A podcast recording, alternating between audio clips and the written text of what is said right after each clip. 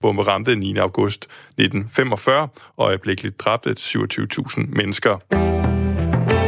Vejrudsigten tørt og mest skyde men i nat nogle opklaring over de sydlige egne. Dagtemperatur omkring 7 grader, fortsat blæsende med jævn til hård vind fra øst og sydøst. Du lytter til Weekendmorgen med mig, Svende Lund Jensen. Velkommen til. Klokken er øh, lidt over ni, og øh, vi skal til at give os i kast med dagens panel. I øh, panelet i dag er Teresa Scavenius, klimapolitisk forsker, Ph.D. og lektor ved Aalborg Universitet og tidligere folketingskandidat for Alternativet. Ole Henrik Hansen, lektor ved DPU, Danmarks Institut for Pædagogik og Uddannelse, og Julie Rocker Birk, museums, øh, museumsdirektør på Kvindemuseet i Aarhus. Teresa, lad os begynde med dig. Godmorgen. Øh, godmorgen. Det skal handle om øh, det, der hedder greenwashing, fordi Burger King har lanceret det, der hedder en Rebel Whopper. Det er en øh, burger med en plantebaseret bøf, og den har fået kritik af blandt andre Ulrik Myrtu fra den klimaaktivistiske gruppe Aarhusgruppen, fordi han mener, man ikke kan kombinere en bæredygtig verden med Burger King. Altså, de lever af at udnytte regnskov og dyr, siger han til TV2 Østjylland, og øh, den her burger, det er altså bare resultatet af en økonomisk kalkyle, så de kan udvide deres forretning, og der er ikke noget rebelsk ved at bevare status quo. Og øh, i USA, der er Burger King blevet sagsøgt over den samme burger, der hedder den bare Impossible Burger. Det er veganeren Philip Williams, der har gjort det, fordi han mener, at de ikke deklarerer tydeligt nok, at den her plantebøf bliver stegt sammen med øh, almindeligt kød. Der skal man sige, øh, siger Burger King, at man vil have den i mikroen, så gør de bare det. Teresa, skal vi nu se, hvad er greenwashing? Altså greenwashing er grundlæggende, at man ligesom forsøger at sælge en vare, som ikke er grøn, men man enten gør det gennem øh, marketing, altså en eller anden øh, kampagne, eller også gør man det gennem med, at man siger, at, at man øh, har en, gør en lille ting, for eksempel bruger et eller andet mindre plastik i forhold til indpakning, men selve produktet er stadigvæk øh, ikke et grønt produkt. Men hvis vi snakker her en plantebøf, så er det selvfølgelig et grønt produkt. Så, så her er spørgsmålet mere om proportionaliteten. Hvad er hele Burger Kings forretningsmodel model baseret på? Øh, og spørgsmålet er, hvor meget kan man så tilskrive dem, at de nu er hoppet med på den grønne bølge, i forhold til, at det kun er én, øh, øh én burger ud af, ud af resten af deres burgers. Det er så det, der er spørgsmålet her. Hvis du får lyst til at øh, melde ind i øh, debatten i løbet af dagen, så kan du gøre det på sms. Du kan skrive til 1424 så skriver du R4, og så et mellemrum, og så din besked. Altså 1424 skal du sende en sms til. Start med at skrive R4, og så mellemrum. Teresa Scavenius, klimapolitisk forsker, er det ikke fint, at øh, Burger King, de gør bare lidt?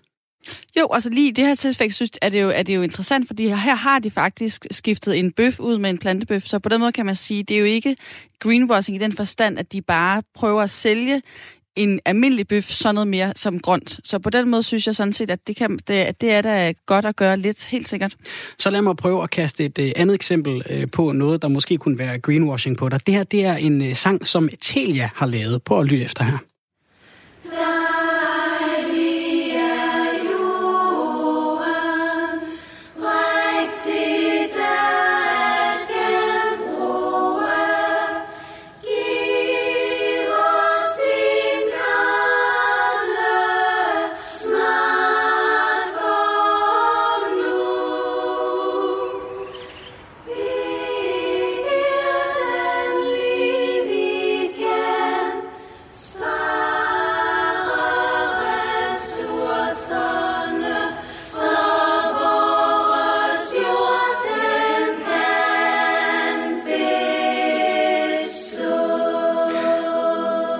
her video har jeg hentet fra Telias egen YouTube-kanal. Når den kører som reklamer, den kører nemlig også som reklamer, når man ser andre videoer på YouTube, så er den efterfulgt af en lille reklame for, at man også kan købe de nye AirPods fra Apple til en mm. ekstra god pris her i julehandlen.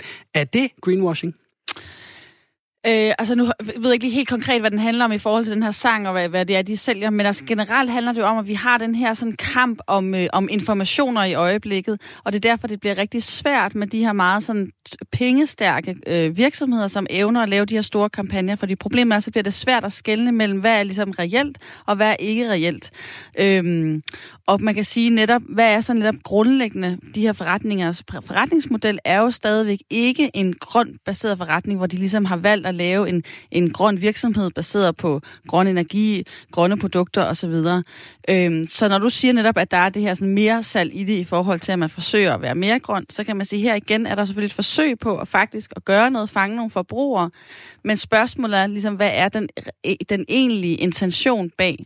Øhm, og jeg kender ikke nok til den her speci- de her to specifikke cases, vi kigger på. Man skal gå ind og kigge på dem mere grundigt, men generelt ved vi, at der er en tendens til, at man bruger alt, hvad der hedder noget med bæredygtighed, grønt klima nu, som en del af en marketingskampagnestrategi. Og det kan alle gøre. Det kan British Petroleum, det kan Landbrug og Fødevare, det kan Portland. Alle kan nu være grønne, uagtet om de faktisk er det, eller om de ikke er det. Og det er det, der gør det rigtig svært lige i øjeblikket.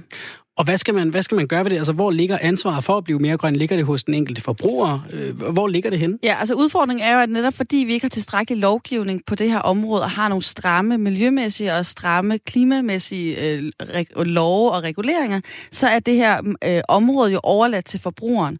Og forbrugeren er jo påvirkelig over for reklamer, det ved vi jo alle sammen. Det er jo derfor, de bliver, bliver brugt så mange penge på det.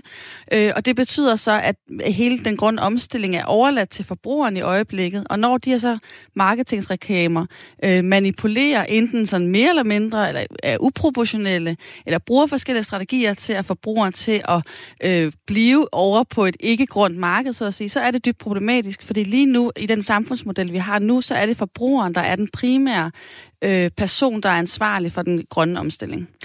Ole Henrik Hansen, du er lektor ved DPU, Danmarks Institut for Pædagogik og Uddannelse. Tænker du over, øh, hvordan du lever, om du øh, kan leve mere bæredygtigt? Ja, det gør det helt sikkert. Hvordan det? Jeg, øh, jeg køber økologisk, øh, økologiske madvarer, når jeg kan få det. Jeg får mine grøntsager fra årstiderne og, og så videre. Jeg forsøger at lade være med at købe plastikposer, og jeg sorterer mit affald. Den slags ting. Julie Rocker Birk, direktør på øh, Kvindemuseet i Aarhus. Hvad med dig? Oh, jeg skal lige have sendt for din uh, mikrofon på lige igen. Sådan. Jamen, jeg erklærer mig enig. Jeg, jeg køber økologisk, gør alt, hvad jeg kan, hvor jeg kan. Og Teresa Scavenius, klimapolitisk forsker, det er, jo, det er jo øh, nok godt at høre i, i dine ører. Jeg synes også, der er lidt en tendens til, at det er svært at få lov at sige, jeg øh, tænker grønt og bæredygtigt, uden at man så sætter øh, bagdelen i klaskehøjde i forhold til, at man så aldrig må flyve på ferie, og man ikke må spise kød osv. Øh, hvad tænker du om, om, om det? Altså det, det, her, det her med, nu nævnte, var du lidt inde på det før, altså, at det er den enkelte forbruger, der står med rigtig meget ansvar lige nu? Ja, det er det, der er udfordringen, det er, at vi har lagt for meget over, ansvar over for en forbruger, som ikke rigtig kan overskue alle de her valg. Pointen er også, at Øh, noget kan jo godt være lidt grønt. Altså for eksempel nu snakker vi meget i forhold til landbruget i Danmark, i forhold til, at nu er der Landbrug og Fødevare, laver en kampagne med, at de gerne vil gøre hele landbruget meget mere grønt. Og så kan man sige, at det er, jo, det er jo rigtig fint, og det er jo også godt for forbrugeren. Problemet er bare, at man skal ligesom vide, hvad det er for et niveau, vi snakker om, fordi her bliver der ikke adresseret kerneproduktet i landbruget. Det er nemlig, at der bliver produceret for meget kød. Men vi snakker også om netop sådan noget med, at vi får nogle LED-pærer i stallene for eksempel.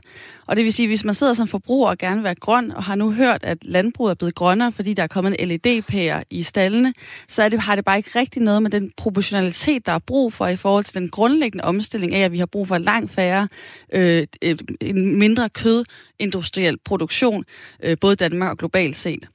Øh, så problemet er, at grundlæggende borgeren kan, eller forbrugeren kan ikke træffe det rigtige valg i mange henseender, fordi at det i et eller andet sted ikke vil være tilstrækkeligt. Øh, fordi så er det også bare, kan det ramme om på nogle andre parametre, der er problematisk. Vi er udfordret af mange problemer. Det er jo ikke kun klima, vi har også en biodiversitetskrise, vi har også en global ulighedskrise. Øh, der er rigtig mange udfordringer, så hvis man gerne vil være en moralsk, etisk baseret øh, forbruger, øh, så er det stort set umuligt i det her samfund at gøre det i alle hensener. Og derfor er der netop ikke andre muligheder, hvis man vil den grønne omstilling, at det er den politiske vej, vi bliver nødt til at gå. Vi har fået en sms fra øh, Tommy, og du kan også øh, melde ind i øh, debatten. Det kan du gøre ved at skrive til 12, øh, 14 24, altså 1424, indled øh, beskeden med R4 og så et mellemrum.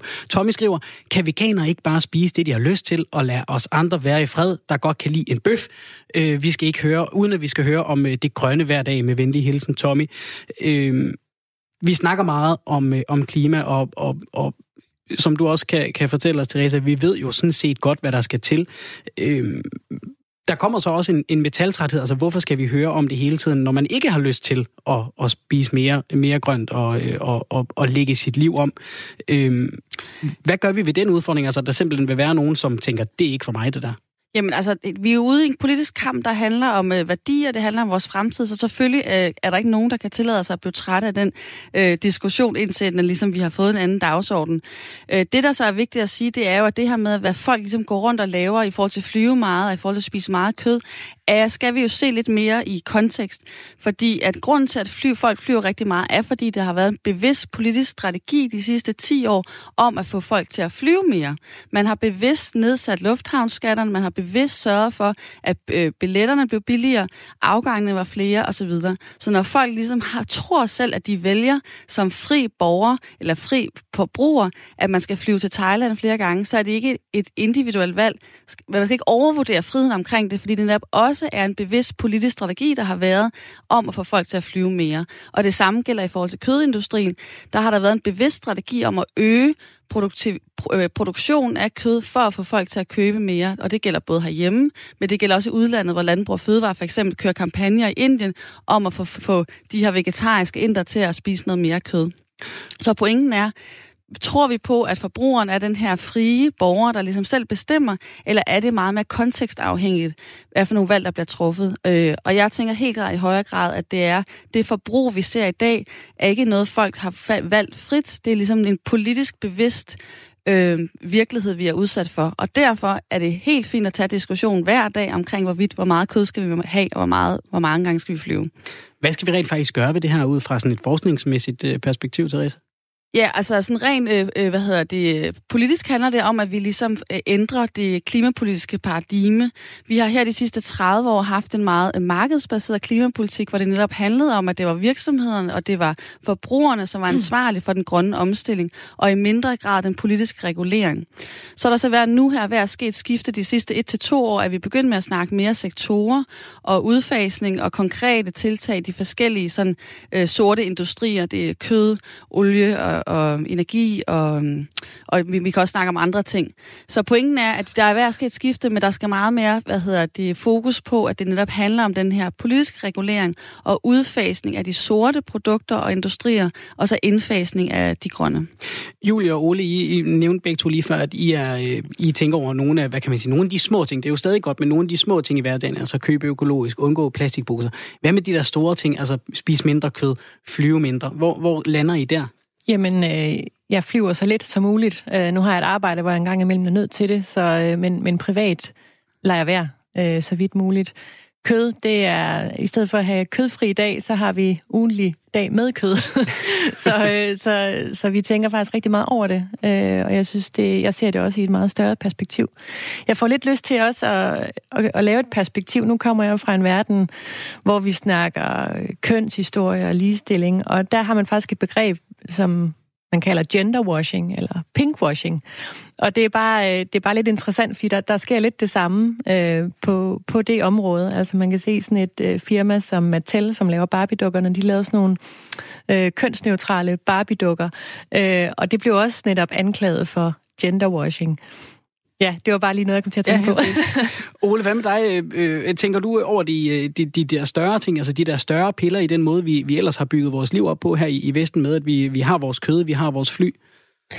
Altså, jeg er også ansat på et norsk universitet, og, øh, og øh, jeg flyver mere end, øh, end godt er, øh, og end, end jeg egentlig har lyst til. Øh, men, men, øh, men i forhold til, til ja, ah, det er svært, fordi min, min kone tænker mere over det, end jeg gør, tror jeg. Okay. Øh, I forhold til kød og den slags ting. Men vi tænker over det, vi snakker om det. Vi så du, om det. du spiser det, der så øh, ender med at blive købt ind og serveret, og så, og så, er, det, så er det også okay? Ja, altså det, det, noget, af det, noget af det, Therese siger, det synes jeg faktisk giver rigtig god mening, at, at øh, vi kan ikke gennemskue øh, sådan nogle almindelige mennesker som os, vi kan ikke gennemskue, øh, hvad, hvad der faktisk skal til. Altså hvis, hvis vi køber en elbil for eksempel, hvor kommer den el så fra? Hvordan bliver den produceret? Er det i virkeligheden til gavn for miljøet, eller er vi ikke der endnu? Hvordan hænger det sammen?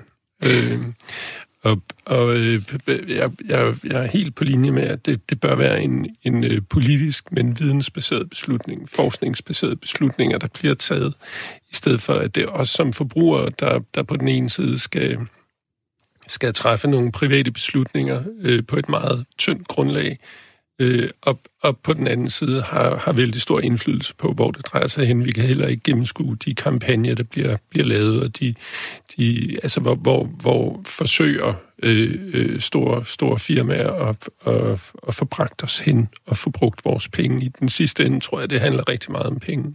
Og Teresa Skavinus, du er klimapolitisk forsker. Nu nævner Ole det her med, at det skal være videns- og evidensbaseret.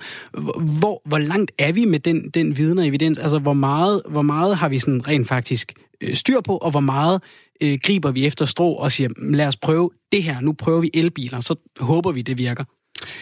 Altså grundlæggende ved vi jo godt kilden til klimaforandring, så selvfølgelig ved vi det hele. Det der så selvfølgelig er spørgsmålet, er, hvordan laver man den bedste omstilling politisk set øh, i forhold til det givende samfund. Og der er selvfølgelig rigtig mange ubekendte øh, faktorer, men selvfølgelig ved vi grundlæggende, at det er bedre at tage toget end øh, flyet.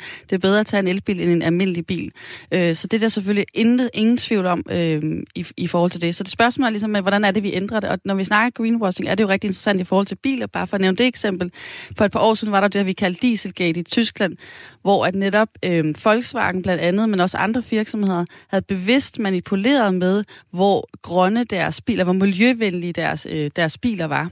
Og det er jo rigtig interessant, fordi problemet er, at man så rammer ned i nogle borgere, nogle forbrugere, som rigtig gerne vil købe nogle grønne produkter, men som så ikke går hen i de rigtige produkter. Så det, der sker i øjeblikket lige nu, det er en øh, konkurrenceforvridning til fordel for de sorte øh, produkter, fordi borgerne faktisk gerne vil have, de efterspørger grønne produkter, men når de sorte så bliver pakket ind i noget lidt grønnere papir, så er det vildt, at det marked for de grønne produkter aldrig nogensinde kommer til at blive stort nok til, at det kommer ud over sådan lidt et lidt nichemarked, hvor nogle middelklasseborgere netop øh, køber lidt, hvad hedder det, grønt og bæredygtigt og økologisk.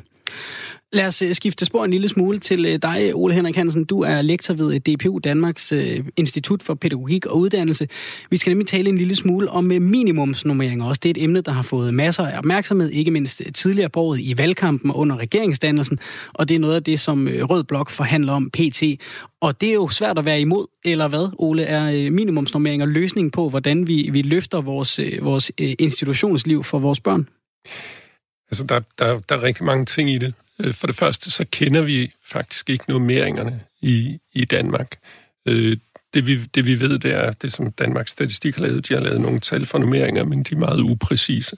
Så det vil sige, de, de fortæller ikke om, hvor mange børn, eller slår hvor mange voksne, der er sammen med børn på givende tidspunkter af dagen. Øh, Desuden så er, er minimumsnummeringer næppe, øh, næppe det, der skal til. Vi ved det faktisk ikke. Vi kan ikke, vi kan ikke, øh, vi kan ikke på baggrund af af, af god forskning sige, at, at det vil løse problemerne. Tværtimod, så kan man måske sige, at hvis, hvis vi bruger penge på minimumsnummeringer, så, øh, så vil det isoleret set øh, øh formentlig løfte de gode institutioner, gøre de, de gode institutioner bedre.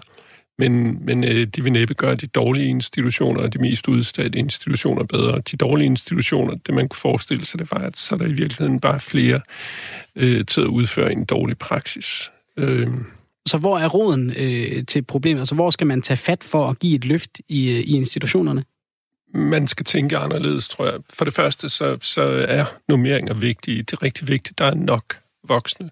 Vi ved bare ikke, om, om de her minimumsnummeringer, de faktisk tilfører nok voksne. Det er den ene ting. Den anden ting er, at vi skal øh, kigge på ledelsen af institutioner. Vi ved, at ledelse er rigtig vigtig. Hvordan, hvordan de her institutioner, institutionsledere, de er i stand til at strukturere arbejdet og, og øh, begejstre personale, men også styre personale osv. Øh, og så uddannelse rigtig vigtig. Kvaliteten af den uddannelse, som pædagogerne har, øh, er, er afgørende. Og øh, som det er nu, øh, så ved vi ikke, om den kvalitet den er god nok. Øh, vi ved, at, at øh, de her uddannelsesinstitutioner, de er blevet skåret, ligesom øh, vi andre er blevet skåret på universiteterne de senere år. Øh, og, og samtidig så, øh, så, har, så har de sådan, et, et, øh, sådan en, en, øh, en ordning kørende, at de først får penge for, for deres øh, studerende, når de er færdige med uddannelsen til tiden. Det vil sige, for, for uddannelsesstederne er det afgørende at få så mange igennem på normeret tid som overhovedet muligt. Endelig så, øh, så, det, så, det, øh, så, så ved vi, at dem, der søger ind på pædagoguddannelsen, det er dem med det laveste studentereksamensgennemsnit. Øh, det behøver i sig selv ikke være dårligt, men vi vil rigtig gerne have, at der var andre, der også søgte ind på den uddannelse, og, og på den måde hævede kvaliteten af, af dem, der kommer ud i den anden ende. Og til sidst så vil jeg sige, at en uddannelse er en sorteringsmekanisme. Der er, undskyld, der er nogen, der skal sorteres fra, som har søgt ind på uddannelsen, men som ikke er kvalificeret til arbejdet bagefter. Og øh, det, det, det sker i, i alt for ringe grad. Nu er minimumsnormeringer blevet sådan et, et, et politisk uh, buzzword, og, uh, og, og man kunne forestille sig, at, at når der kommer en aftale om de her minimumsnormeringer, så giver det også politikerne anledning til at sige, så, så har vi fikset det, så må. I klare det ude i institutionerne. Hvordan, hvordan er mavefornemmelsen og, og blikket på det, når man sidder, hvor du sidder med sådan et forskningsmæssigt perspektiv? Ja, det er skidt. Det er skidt. Det er rigtig skidt. Uh, og, og den hele den her snak om, om minimumsnummeringer, den, den, den er opstået som sådan en slags græsrodsbevægelse. Altså den, den, og den, den er i virkeligheden startet af Bubel, øh, som er pædagogernes fagforening, som, som, øh, som øh, ser det som, som sin opgave at, øh, at øh, skaffe så mange pædagoger øh, til, til, til børnene som overhovedet muligt, og det var det her. Og SF, de greb så en del af øh, Bubbles, øh, Bubbles øh, tanker om det her, og begyndte at promovere dem, og så rejste der sig før valget en, en øh, hæftig bevægelse med demonstrationer af forældre osv. Øh, men når man sidder, hvor jeg sidder, så, så, så er det svært at, at tænke, at øh, det, ved vi, det, ved, det ved vi noget om, og det er rigtigt osv. Øh, der, der, jeg har nogle kolleger, der, der tænker, at øh, lad os bare få nogle flere pædagoger. Det kan i hvert fald ikke blive dårligere. Men, men min frygt er, at vi bruger 2,1 milliard på, på noget, som, som kun vil hjælpe dem, der i forvejen er, er gode. Så, så min mavefornemmelse, den er, den er skidt. Julie Rockabjerg, direktør ved øh, Kvindemuseet i Aarhus. Hvad betyder minimumsnummeringer for dig? Jamen, jeg er fuldstændig enig øh, i det, som Ole siger. Altså, øh, jeg synes, der er der mangler så meget vægt på at se på kvaliteten af dem, der passer på vores børn. Hvordan kan vi skabe noget mere prestige i det her fag? Altså, øh, det er for mig at se noget af det allervigtigste i vores samfund. Det er de allervigtigste job, det er pædagoger og skolelærer. Altså, og jeg synes, det, øh, det, det skulle virkelig have så mange flere ressourcer. Øhm, og ja, prestige. Hvordan kan vi tale det op, sådan at, at kvaliteten også højnes? Det, det tænker jeg meget over, og jeg har selv to små børn øh, på seks år. Jamen, og jeg har, jeg har selv børn, det, og det er jo svært, mm. når man står nede i sin øh, børns institution, og pædagogerne siger, der, vi har demonstration øh, på mm. tirsdag, hvor er der en voksen, kom og vær med. Altså, mm. man, man føler virkelig, ja, vi skal have minimumsnormeringer, fordi mm. jeg kan se de her mennesker, som passer på mit barn hver dag, de står og siger, at det er det her, vi har brug for. Ikke? Mm. Øhm, Teresa Skavenius, øh, klimapolitisk forsker, hvad betyder minimumsnormeringer for dig i, i, i din uh, hverdag? Jamen altså, det betyder, øh, at jeg synes, diskussionen er sindssygt vigtig, fordi det handler jo grundlæggende om, hvorvidt at vi har en pædagogisk forsvarlig øh, børneinstitutionsordning. Både, det gælder jo både vuggestuer og børnehaver, så i virkeligheden også skoler. Og man kan sige, grundlæggende er det jo, at vi nu lever i den her meget intensive konkurrencestat, Øh, og konkurrencestaten betyder, at vi prioriterer hele tiden øh, at bespare penge og, øh, på det statslige konto, og så ligesom at få penge ud på det private marked øh, i morgen. Og det sker typisk på bekostning af miljøet, klimaet, men også vores børn. Så grundlæggende handler den her diskussion for mig om, at vi sætter barnet tilbage i centrum, og så bagefter finder ud af, hvordan vi organiserer de her børneinstitutioner. Fordi det er jo en kerneinstitution i vores samfund. Vi kan ikke have, at familier går på arbejde, både kvinder og mænd, uden at vi har nogle, øh, hvad hedder hedder det, øh, stærke institutioner, der tager vare om vores børn på en pædagogisk forsvarlig måde. Så jeg er dybt beskæmmet over vores nuværende situation, hvor vi har tilladt, at en kerneinstitution i vores velfærdssamfund er forvidret, øh, og nu er det ligesom lidt en bombe under vores samfund, hvordan de her små børn egentlig skal klare sig, og om de ligesom er blevet psykologisk robuste nok fremadrettet, eller om de simpelthen er blevet, øh, er blevet for sårbare frem. Vi ser jo allerede tendenser til øh, teenagepiger, som ikke kan finde ud af at gå til eksamen, selvom det er 9. klasse. Det er jo et eksempel på, at der er en psykologisk robusthed, som er svækket.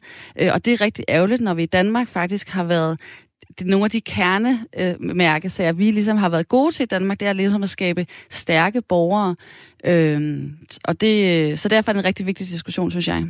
Ole Henrik Hansen, lektor ved øh, DPU. Øh, når vi snakker om, om det her, så, som Therese også siger, altså det der med at give institutionerne et løft, øh, du har allerede nævnt, at man skal måske kigge på uddannelsen, men hvordan kunne man gå ind og give dem et løft, altså hurtigst muligt?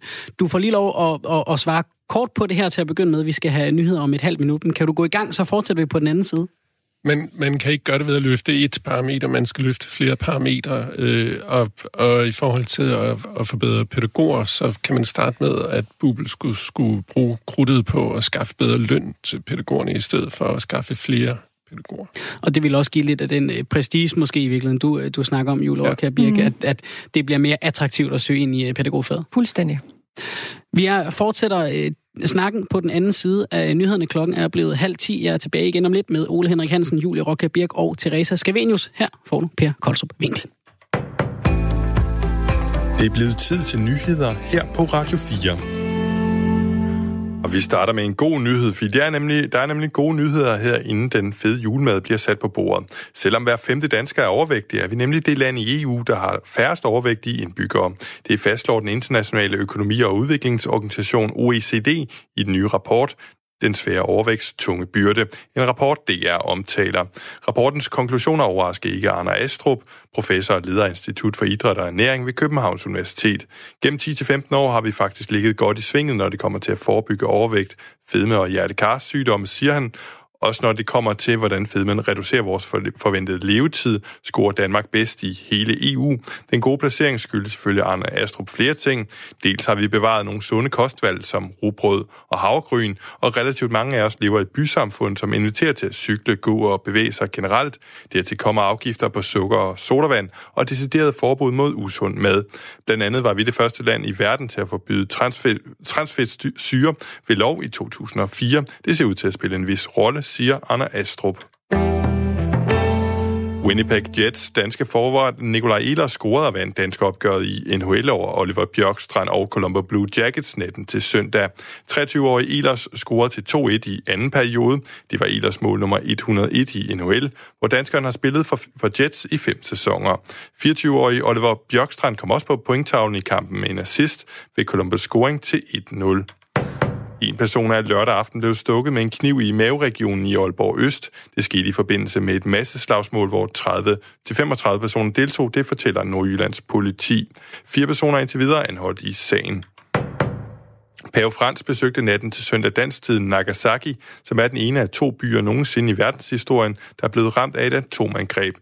Her opfordrede han til afskaffelsen af alle atomvåben og kaldte det at besidde atomvåben for perverst og uforsvarligt.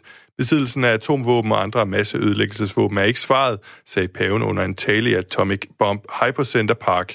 Det var her, en amerikansk atombombe ramte 9. august 1945 og øjeblikkeligt dræbte 27.000 mennesker.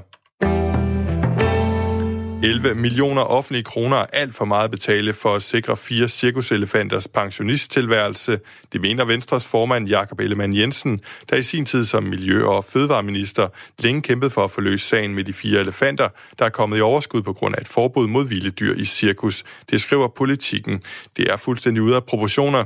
Det er fire dyr, vi taler om, siger Jakob Ellemann Jensen. Han understreger, at han har al mulig sympati for, at de fire elefanter skal behandles ordentligt. Det er nogle stakkels dyr og nogle dejlige dyr, men der er godt nok mange andre dyr, der også er det. Jeg synes, det er mange penge, siger han. I det såkaldte dyreværds i den såkaldte dyrevelfærdspulje er der i år afsat 9 millioner kroner, hvoraf de 2,4 millioner kommer fra indtægter fra landbrugslotteriet, mens de resterende penge er afsat på finansloven for 2019. Kritikken praller af på Fødevareminister Mogens Jensen, der kalder aftalen for dybt ansvarlig. En vejrudsigt tørt og mest skydevejr, men i nat stedvis nogle opklaringer over de sydlige egne. Dagtemperatur omkring 7 grader, fortsat blæsende med jævn til hård vind fra øst og sydøst.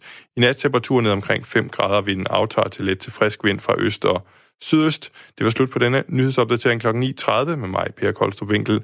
Der er lige præcis 26 minutter til jer tilbage. 26 minutter, du kan tilbringe i selskab med Weekendmorgen denne søndag med Svende Lund Jensen. Du lytter til Weekendmorgen med mig, Svende Lund Jensen. Og vi er godt i gang med vores øh, søndagspanel. I studiet er Julie Rockher Birk, direktør på øh, Kvindemuseet i Aarhus, øh, Ole Henrik Hansen, som er lektor ved DPU, og Teresa Scavenius, der er klimapolitisk forsker. Og Ole, vi tog lige fat på herinde nyhederne. Hvad skal man rent faktisk gøre for at give et løft til institutionerne nu, hvis vi, det ikke er, er minimumsnormeringer, der er løsningen, og du er nået at sige, at det kan man altså ikke gøre på, på et parameter, det er flere parametre. Jeg ved noget af det, du øh, også øh, mener noget om, det er, hvordan man vælger lederne i daginstitutionerne. Ja, Altså, vi, vi, øh, der er sådan en tradition for, at det er en dygtig pædagog, øh, som, som øh, bliver ansat som leder, og det er næppe den bedste kvalifikation. Altså, man bør, man bør nok, jeg har ikke svaret, men man bør nok øh, øh, finde ud af, hvordan får vi, hvordan får vi lavet nogle gode øh, Øh, øh, dagtilbudsledere, hvordan får vi, hvordan får vi dem uddannet på en, på en, på en ordentlig måde.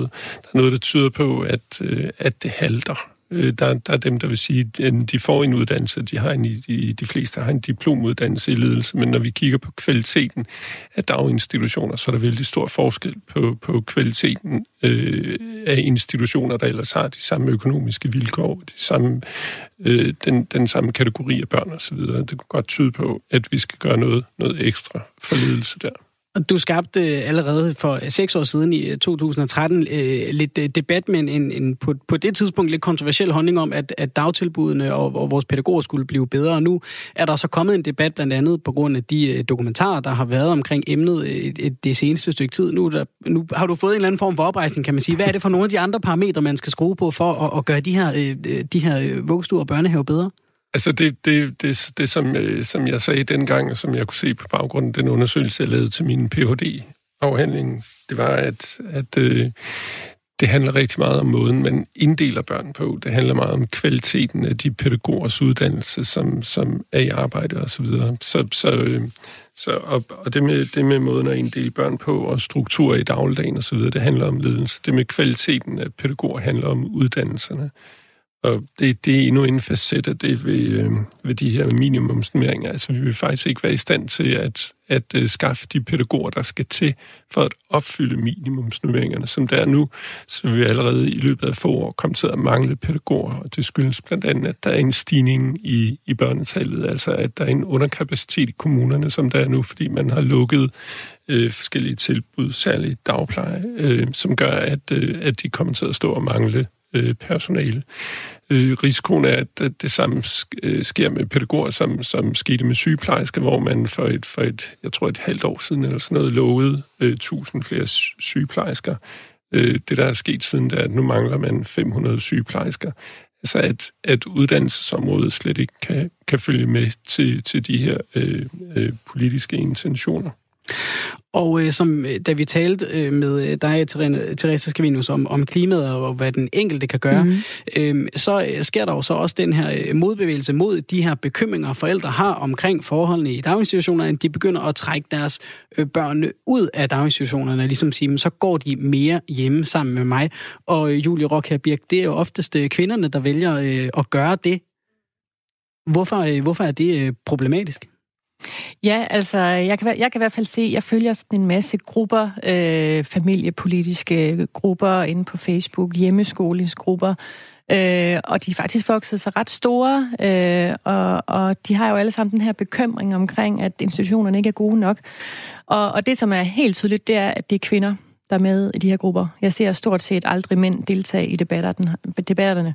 Øhm, og, øhm, og jeg tænker meget over, at at vi skal netop se det i et større samfundsmæssigt perspektiv, det her. Øh, hvad er det for et samfund, vi ønsker? Fordi konsekvenserne af at have nogle øh, institutioner, der ikke er gode nok, det er jo, at familierne trækker tilbage den anden vej, som vi ser det i øjeblikket. Øh, og der sker det, at det er fordi, at vores arbejdsmarked er, som det er. Fordi vi ikke har lige løn endnu. Fordi alle mulige ting, så er det typisk kvinder, der går på deltid, kvinder, der tager sig af hjemmeskolingen. Jeg ved, der er få eksempler, hvor det er anderledes, men det er altså det generelle billede. Og hvad sker der så? Jamen for det første, så, så sker der noget i forhold til kvinders egen økonomi, selvopretholdelsesdrift, deres karrieremuligheder, pension osv. Men der sker jo også et stort tab i forhold til det danske velfærdssamfund. Man skal huske, at hele vores velfærdssamfund, det er jo, det er jo faktisk bygget på, at kvinderne kommer ud på arbejdsmarkedet. Øh, her i det 20. århundrede. Og hvad, hvad sker der, hvis vi taber det her potentiale?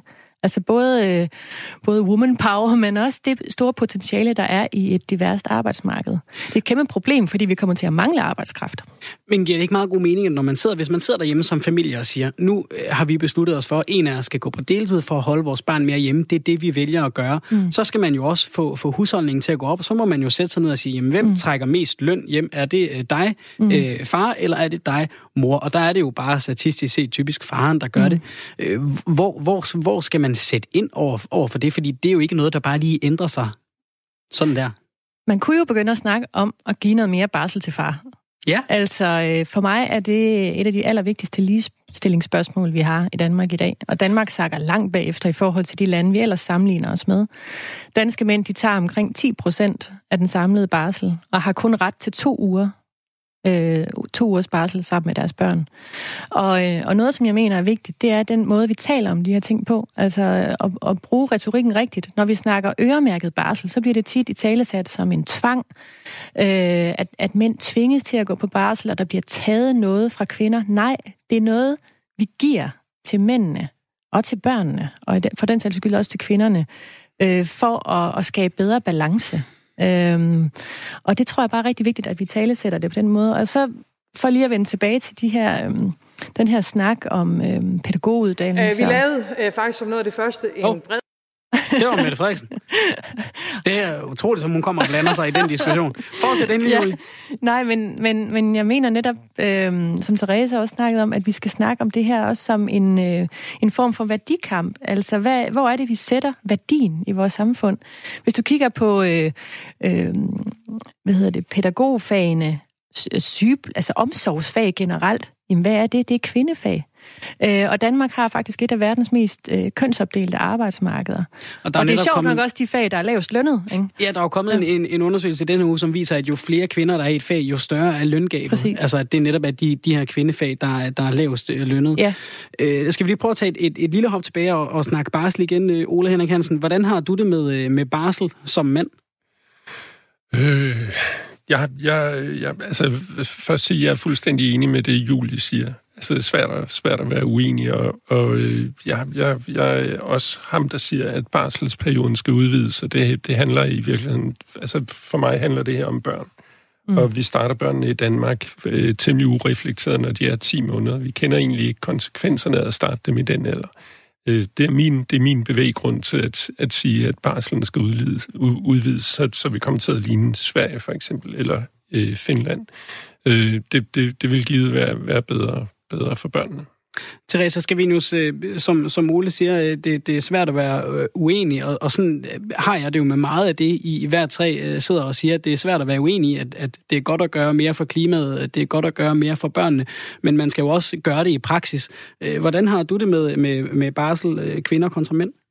Øh, altså, helt enig. Altså, selvfølgelig er det, øh, burde mændene have ret til mere barsel. Altså, det er den eneste sted, eller det vigtigste sted at etablere en tæt kontakt til deres børn på, øh, og det er guld værd for dem fremadrettet, så det er jeg meget enig i. Men hvis vi lige skal tilbage til, det handler om det her med den pædagogisk faglige børneinstitution, så synes jeg, at svaret kan jo ikke være, som det måske lidt ender her med, at det handler om, at forældrene skal passe børnene herhjemme, fordi at netop med hjemmeskoling eller med længere barsel, fordi at det er jo netop hele vores samfundsmodel er jo bygget på, netop som vi også snakker om her, at kvinder og mænd er ude på arbejdsmarkedet, og derfor er det jo den model, der er vigtig.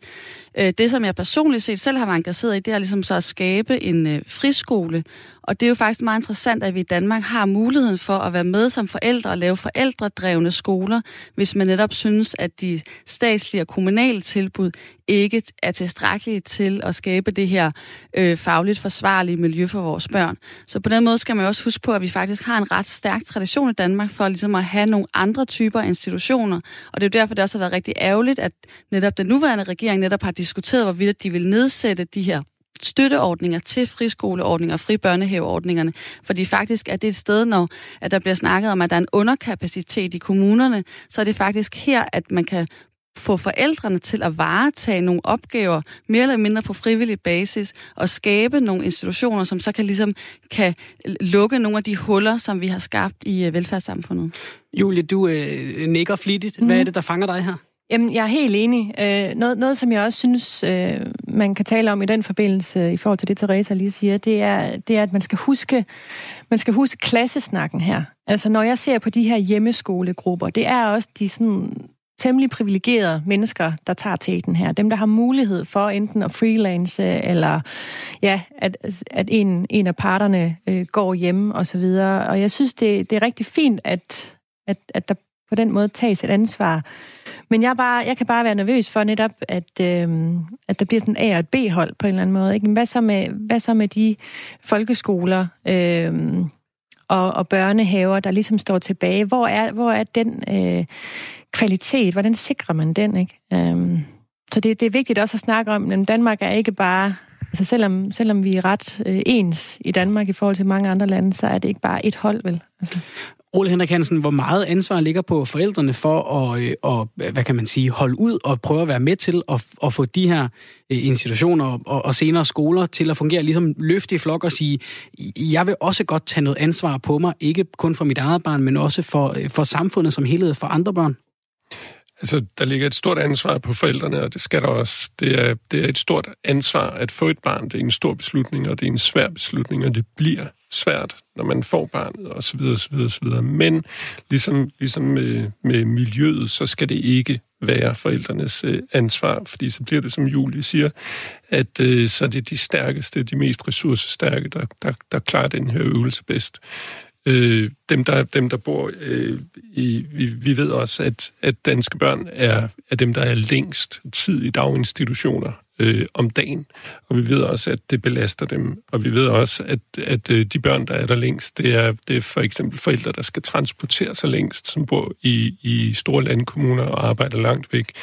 Og øh, der, der er øh, et barn, der bliver afleveret klokken 7 og bliver hentet undskyld, kl. 16 har en 46 timers arbejdsuge, øh, som, som er en belastning for sådan et barn. Øh, vi ved, at, at øh, vi, ja, vi, kender, vi kender mange af, af den slags øh, øh, ting. Inde i mit hoved, der, der kan jeg ikke forstå, hvorfor man ikke sætter, sætter et, et, øh, et beløb af til at få udforsket det her, så vi kan træffe en kvalificeret beslutning. Og så er det her også en samfundskritik.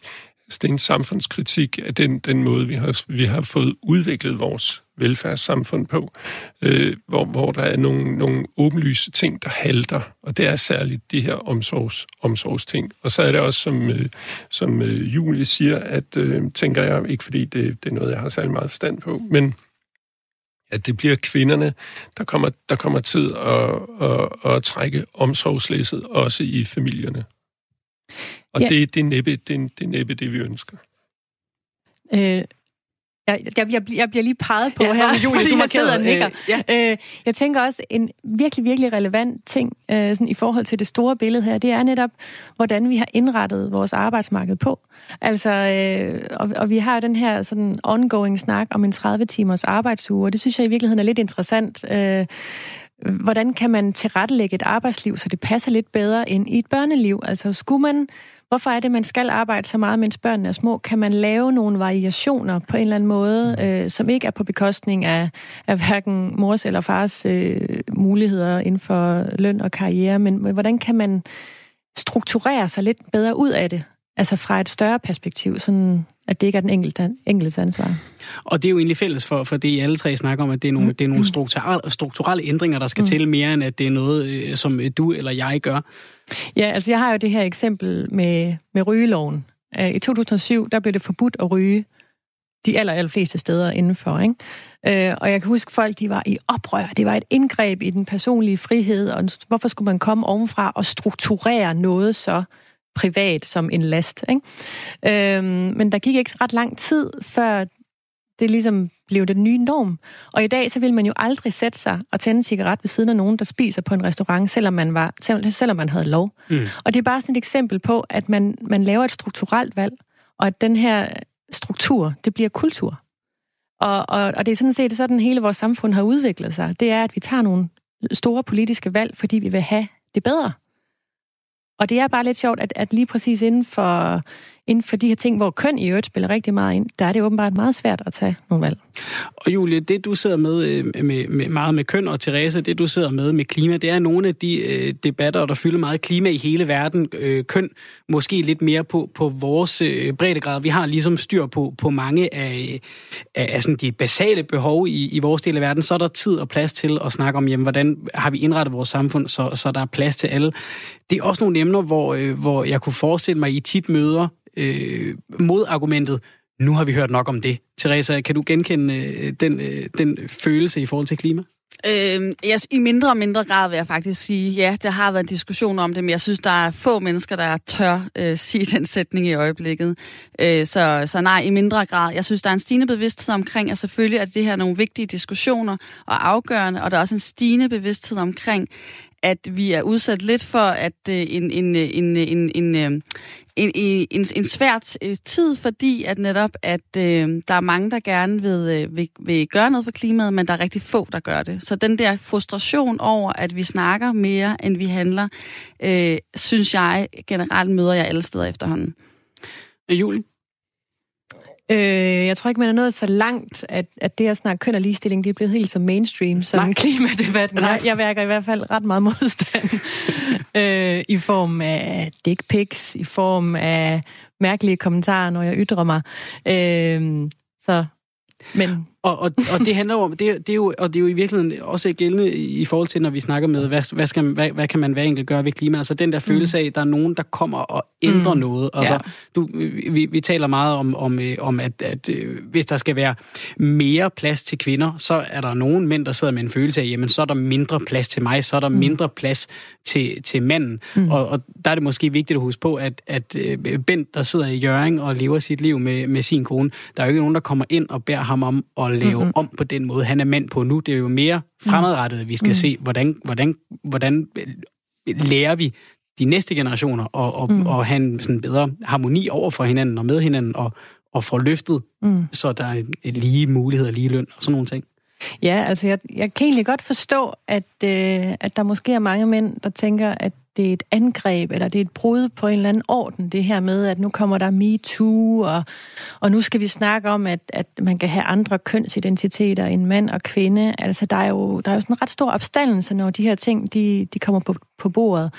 Øhm, og jeg prøver sådan hele tiden at forstå, at sådan relativt, så må det jo sikkert føles som et tab, altså en eller anden form for privilegietab, når, når noget vinder frem, som man ikke var vant til vand frem.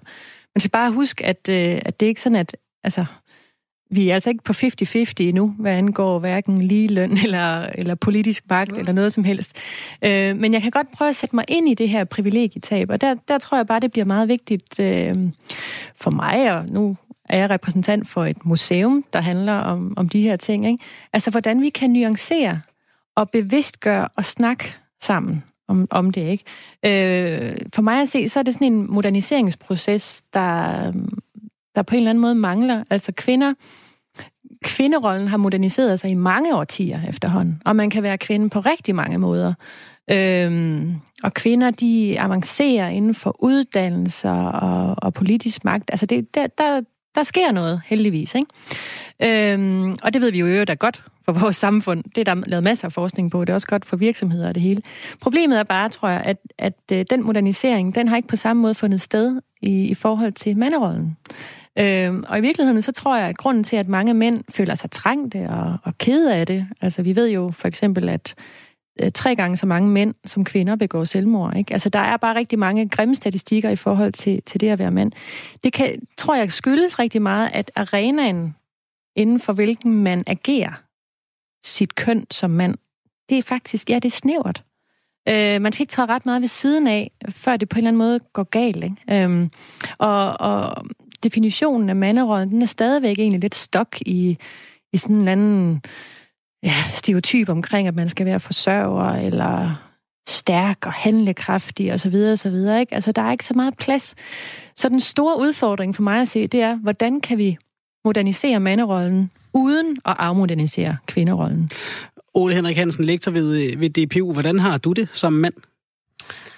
Jeg har det, jeg har det vældig fint. Og øh, øh, altså, jeg sidder jo her og, og er en far, der, øh, der til en, til en to og en halvårig dreng, som ikke er kommet i dagtilbud, hvor at, at, øh, hvor at drengens mor, øh, Pernille, øh, har valgt at sige sit arbejde op.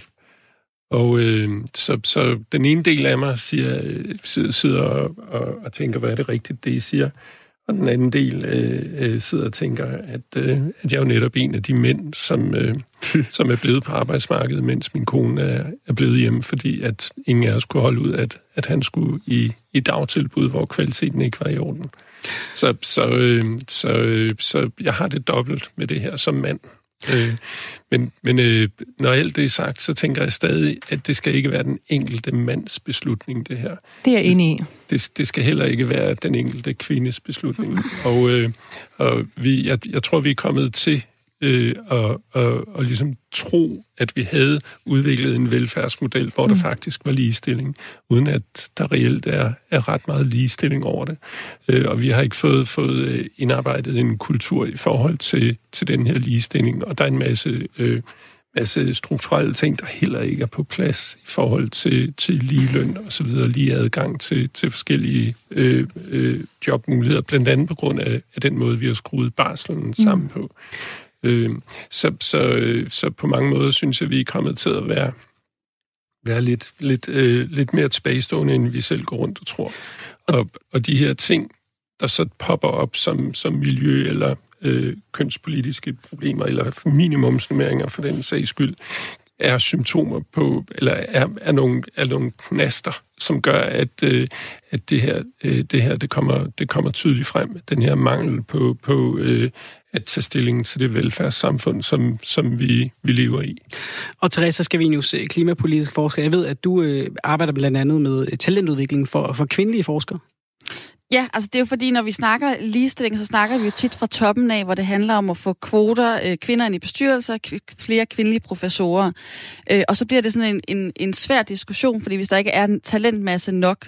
Øh, og derfor synes jeg, det er rigtig vigtigt, at man ligesom starter debatten helt modsat fra, og starter fra bunden af at sige, hvordan er det, vi talentudvikler de kvinder, som findes. Vi ved jo for eksempel på uddannelserne, at der er der typisk mange uddannelser, at der er 50-50 af kvinder og mænd, men når man kommer op i systemerne, så forsvinder alle kvinder kvinderne. Og så er det jo det grundlæggende spørgsmål, hvorfor forsvinder de? Øh, hvorfor er det, at de ikke bliver, øh, hvad hedder det, øh, bliver fastholdt. Og der kan sådan nogle talentprogrammer, som jeg selv har på Aalborg Universitet, øh, hvad hedder det, øh, øh, være en rigtig go- godt sted at motivere og skabe nogle rammer, som gør det muligt for de her kvinder at blive enten øh, inden for den branche, de nu er, så at sige. Øh, fordi jeg synes, hvis vi snakker ham her, Bent for Jørgen, så kan det jo godt være, at han skal ændre noget. Og det kan også godt være, at Susanne, som måske er hans kone, også skal ændre noget. Fordi vi er, som Ole siger, langt mere tilbagestående, end vi egentlig tror. Altså, jeg er i chok hver gang, jeg læser statistikker omkring ja. netop løn, gabet mellem øh, kvinder og mænd for det samme arbejde. Altså det er jo det der med, at det er jo helt grotesk, at vi ligesom er et sted i Danmark, hvor at det, det er noget med nogle gange 20 procents forskel. Så på den måde, og det er jo noget, der ligesom har effekt nu, når vi også snakker børn og institutioner og alle de ting, det har en ret stor indflydelse på masser af valg, som den enkelte familie så må træffe. Mm. Så, øh, så, så det er ret vigtigt, at vi øh, begynder med at tænke over, hvordan kan vi faktisk være mere selvrefleksiv og bevidste omkring, hvordan vi egentlig selv tænker. Og der tænker jeg faktisk, at det både gælder mænd og kvinder, øh, at man reflekterer lidt over netop, øh, hvorfor er det, at det er så svært at tage den her diskussion? Og øh, det, det, vi har, har talt om jeres forskellige fagområder, har jo det til fælles, at der, der skal altså nogle, nogle strukturelle ændringer til fra toppen, for at, at der rigtig sker noget. Men, men Julie Rock Birk, øh, direktør ved Kvindemuseet her i, i Aarhus, hvis du ligesom skal, skal binde en sløjfe ganske kort, fordi vi begynder at nærme os mm. klokken 10 og programmets afslutning, hvad er så vigtigt, altså netop som Therese siger, noget selvreflektion, mm. hvad, hvad er et vigtigt budskab lige at give med videre til, til lytterne derude? Det er, at ligestillingen det er for alle. Det vedkommer alle. Både mænd og kvinder har noget at vinde, men det kræver virkelig alle kønsbestræbelse. Og øh, Ole Henrik Hansen, lektor ved DPU, Danmarks Institut for øh, Pædagogik og Uddannelse. Hvis du lige skal binde sløjfe på, på, øh, på hvad vi gør ved vores børn, øh, og, og, og hvad der er et godt perspektiv at, at, at tage med videre ud i dagen og livet herfra? Så vil, så vil, jeg, øh, så vil jeg ønske, at politikerne, de, øh, de ikke bare fulgte en eller anden øh, trend, en eller anden folkestemning, øh, øh, men, men faktisk tænkte sig om, hvad er det faktisk, der skal til? Hvad skal vi bruge penge på? Penge, som vi ikke har ret mange af. Hvad skal vi bruge, hvad, hvad skal vi bruge for at skabe en, øh, en ordentlig kvalitet for børn og familie? Øh, for at skabe nogle sunde børn med en, med en sund basis, med et fedt selvværd, øh, øh, i, stedet for, øh, i stedet for som nu at, at øh, bruge en masse penge der, hvor det ser ud som om, at det er vigtigst at bruge dem. Teresa Scavenius, øh, klimapolitisk forsker og lektor ved øh, Aalborg Universitet. Hvad er det for en klang, du øh, godt kunne tænke dig at blive hængende i, i radioen, når, når vi er færdige med programmet her om et øjeblik? Øh, det er, at øh, den grønne omstilling og omstillingen for børn og også inden for ligestilling er langt vanskeligere, end vi tror, fordi vi selv er med til at skabe mange af problemerne. Selv os, der tror, at vi ligesom egentlig er på den rigtige side. Med det vil jeg sige uh, tusind tak til øh, uh, Teresa Skavenius, klimapolitisk forsker, Ph.D. og lektor ved Aalborg Universitet og uh, tidligere folketingskandidat for Alternativet. Ole Henrik Hansen, lektor ved DPU, Danmarks Institut for Pædagogik og Uddannelse, og Julie Rocker Birk, museumsdirektør på Kvindemuseet i Aarhus. Det var en uh, fornøjelse at tale med jer og få jeres perspektiver på de her forskellige emner, vi har, vi har talt om. Er der nogen, der lige, fordi vi har lige 30 sekunder tilbage, er der nogen, der brænder ind med noget? Mere jeg, jeg kan ikke lade være med at sige, jeg har lige læst her i avisen til morgen, at i, i Frankrig... Nå. Ja, endelig til Nå, men det der med, at i Frankrig er der faktisk der er der 115 kvinder, der bliver dræbt af deres mænd eller eksmænd. Ja, og det, det siger noget også. om, at uh, heldigvis i Danmark har vi ikke en så stærk voldskultur. Det er lidt tilbage til det, Julie snakker om i forhold til modernisering af, af manderoller. Så heldigvis er den ikke så øh, voldsbaseret. Men stadig viser det noget om, at uh, det er faktisk stadig svært at være kvinde i, uh, i både Danmark og Europa. Fint sted at slutte. Det er der, vi er nødt til at runde af. Tusind tak for, at I var med her. Klokken er